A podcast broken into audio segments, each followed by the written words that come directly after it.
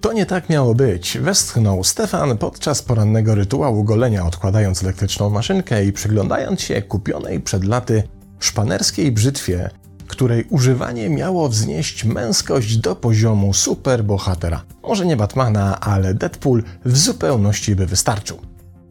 Tymczasem nieużywana brzytwa, ale na szczęście nasmarowana olejkiem kameliowym, smutno rozglądała się po łazience, czekając na lepsze czasy. A ty sobie podśpiewujesz przy goleniu? Zapytała złośliwie Grażyna, czy wzdychasz nad efektami swojego intelektualnego rozwoju.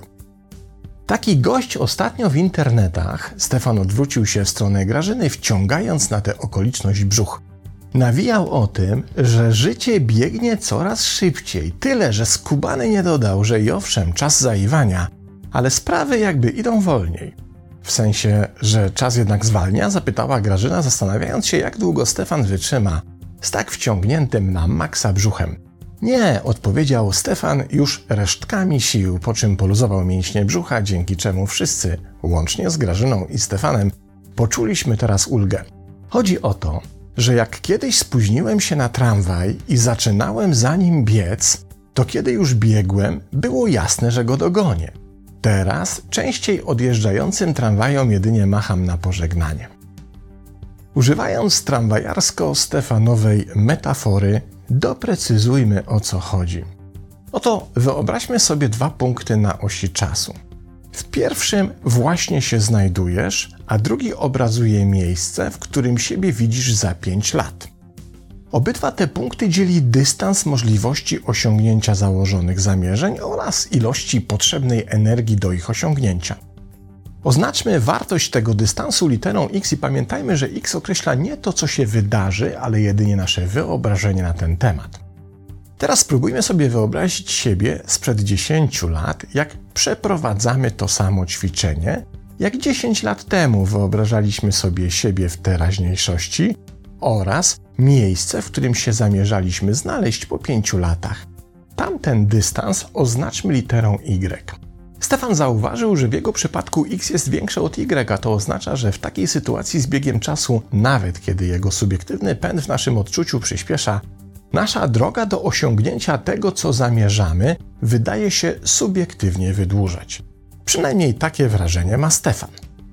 Jedno z powszechnie dzisiaj stosowanych narzędzi do pomiaru dobrostanu ludności w różnych rejonach świata na przykład wciąż wykorzystywane przez Instytut Gallupa, to drabina Cantrilla. Hadley Cantrill był amerykańskim psychologiem społecznym związanym z Uniwersytetem Princeton i specjalizującym się m.in. w badaniach opinii społecznych. Do tego był na tyle skutecznym analitykiem wyników tych badań, że stał się osobistym doradcą aż trzech prezydentów Stanów Zjednoczonych. Doradzał Rooseveltowi, Eisenhowerowi i Kennedy'emu w krytycznych momentach historii, a jego rady okazywały się wyjątkowo słuszne i przez prezydentów równie wysoko cenione. I tenże Cantrill jest twórcą modelu znanego jako skala samozakotwiczenia, potocznie nazywanego drabiną Cantrilla i służącego do oceny dobrostanu społecznego na podstawie własnych indywidualnych osądów życiowych. Spróbujmy zatem przeprowadzić test samozakotwiczenia, byśmy mogli się przekonać, na jakim życiowym poziomie się obecnie znajdujemy. W tym celu wyobraź sobie drabinę złożoną z 11 szczebli. Pierwszy szczebel od dołu oznacza liczbę 0, zaś najwyższy szczebel, ten u samej góry, oznacza liczbę 10. Następnie wyobraź sobie, że ten pierwszy szczebel u dołu reprezentuje najgorsze możliwe życie, którego mógłbyś doświadczyć zaś ten górny szczebel najlepsze życie, które mogłoby być Twoim udziałem. Następnie spróbuj uczciwie umieścić na tej drabinie samego siebie w taki sposób, by wybrany szczebel reprezentował Twoje obecne życie. Pamiętaj, że Twojej odpowiedzi nikt oprócz mnie nie usłyszy, a ja będę udawać, że nie słyszałem. Ważne, żeby to była rzetelna ocena własnego życia na ten właśnie moment, w którym przeprowadzasz to autobadanie. Następnie zanotuj otrzymany wynik i możemy przejść do drugiej części testu. Tym razem odpowiedz sobie na pytanie, gdzie się widzisz w tej samej skali, na tej samej drabinie, ale równo za 5 lat. Jak Twoim zdaniem będzie wyglądało Twoje życie w tym czasie w kontekście najgorszego możliwego scenariusza lub najlepszego? Gdzie się wówczas znajdziesz?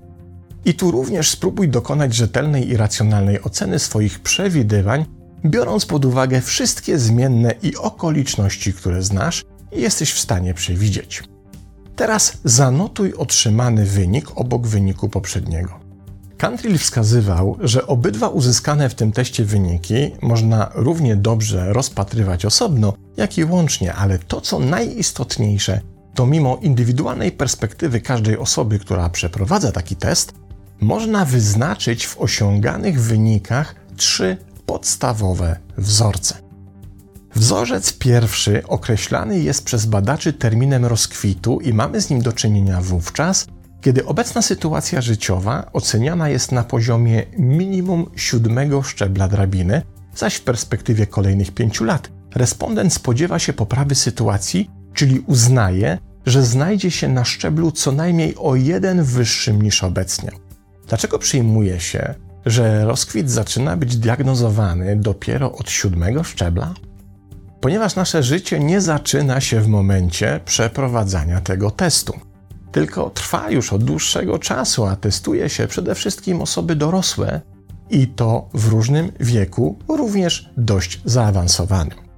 Więc jeśli założymy, że na przykład badany w wieku 40 lat ocenia swoje życie na poziomie piątego szczebla, to raczej jego dotychczasowa droga niespecjalnie może być definiowana jako kwitnąca, nawet jeśli za 5 lat widzi się wyżej niż obecnie.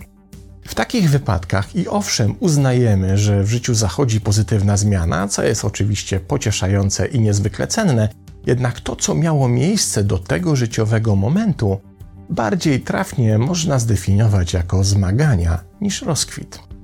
I tym właśnie terminem, czyli określeniem zmagania, definiowany jest kolejny wzorzec. To sytuacja, w której respondenci lokują się na przykład właśnie na piątym lub szóstym szczeblu drabiny, ale zazwyczaj w takich przypadkach już w drugiej części testu przyznają sobie taką samą lub niższą lokatę. To oznacza, że nie przewidują, żeby ich sytuacja życiowa za 5 lat się poprawiła, albo przewidują, że może się ona pogorszyć. To więc życie definiowane jako zmagania, czyli coś, co nie podlega definicji rozkwitu. Ostatni wzorzec określa się terminem cierpienie. To sytuacja, w której ktoś widzi swoje obecne życie na poziomie czwartego szczebla lub niżej, a w perspektywie pięcioletniej prognozuje wyłącznie pogorszenie sytuacji. Co ciekawe, te trzy wzorce skali samozakotwiczenia są silnie związane z innymi aspektami naszego życia. Na przykład respondenci osiągający poziom rozkwitu jednocześnie zgłaszają znacznie mniej problemów zdrowotnych. Korzystają z mniejszej ilości zwolnień lekarskich, deklarują mniej zmartwień, stresu, smutku, złości oraz więcej szczęścia, radości, zainteresowań i szacunku. Ci, którzy kwalifikują się do kategorii zmagań, jednocześnie zgłaszają więcej codziennych stresów i zmartwień oraz rejestrują dwukrotnie więcej dni chorobowych. Co więcej, częściej palą i rzadziej jedzą zdrowo. Respondenci z kategorii cierpienia częściej zgłaszają brak realizacji podstawowych potrzeb, częściej odczuwają ból fizyczny, doświadczają dużych porcji stresu, zmartwień, smutku i gniewu, i niestety dwukrotnie częściej zapadają na najprzeróżniejsze choroby od tych z kategorii rozkwitu. W 2019 roku, a więc jeszcze przed pandemicznym szaleństwem, Międzynarodowy Zespół Naukowców z kilkunastu uniwersytetów zakończył trwające 10 lat badanie, które objęło 1 200 tysięcy osób ze 162 krajów. Jednym z narzędzi badawczych była również drabina Cantrilla, czy na pewno chcemy zobaczyć, jak wypadliśmy w tych badaniach w porównaniu z resztą świata? No niby to nie wygląda najgorzej, bo średnio w drabinie Cantrilla w Polsce prawie że sięgamy szóstego szczebla, osiągnąwszy wynik 5,91, czyli chciałoby się powiedzieć, że nie jest aż tak beznadziejnie. Jednak pośród tych 162 przebadanych krajów znaleźliśmy się dopiero na 49 miejscu, a w Unii Europejskiej na 21 wyprzedzając jedynie Węgry, Litwę, Łotwę, Estonię, Chorwację i Portugalię. Czyli niestety wesoło nie jest. Jednak to, co chyba najważniejsze w skali samozakotwiczenia, to nie jej jednorazowy pomiar, ale możliwość porównania, jak wyniki tego testu w naszym życiu zmieniają się w perspektywie czasu. Czyli czy kiedy gonimy wraz ze Stefanem uciekający tramwaj, to czy wciąż mamy możliwość, by go złapać, czy odjeżdża szybciej niż przed laty zakładaliśmy. Czyli mówiąc inaczej, czy spadamy na drabinie Cantrilla, czy też na niej pniemy się w górę. I pamiętajmy, nic nigdy nie jest na zawsze. Nawet jeśli nasz życiowy dystans X zwiększa się w porównaniu z przeszłym dystansem Y, to kiedy już to wiemy, jedną z najlepszych konkluzji może być stwierdzenie, że być może najwyższa pora coś z tym zrobić. Pozdrawiam.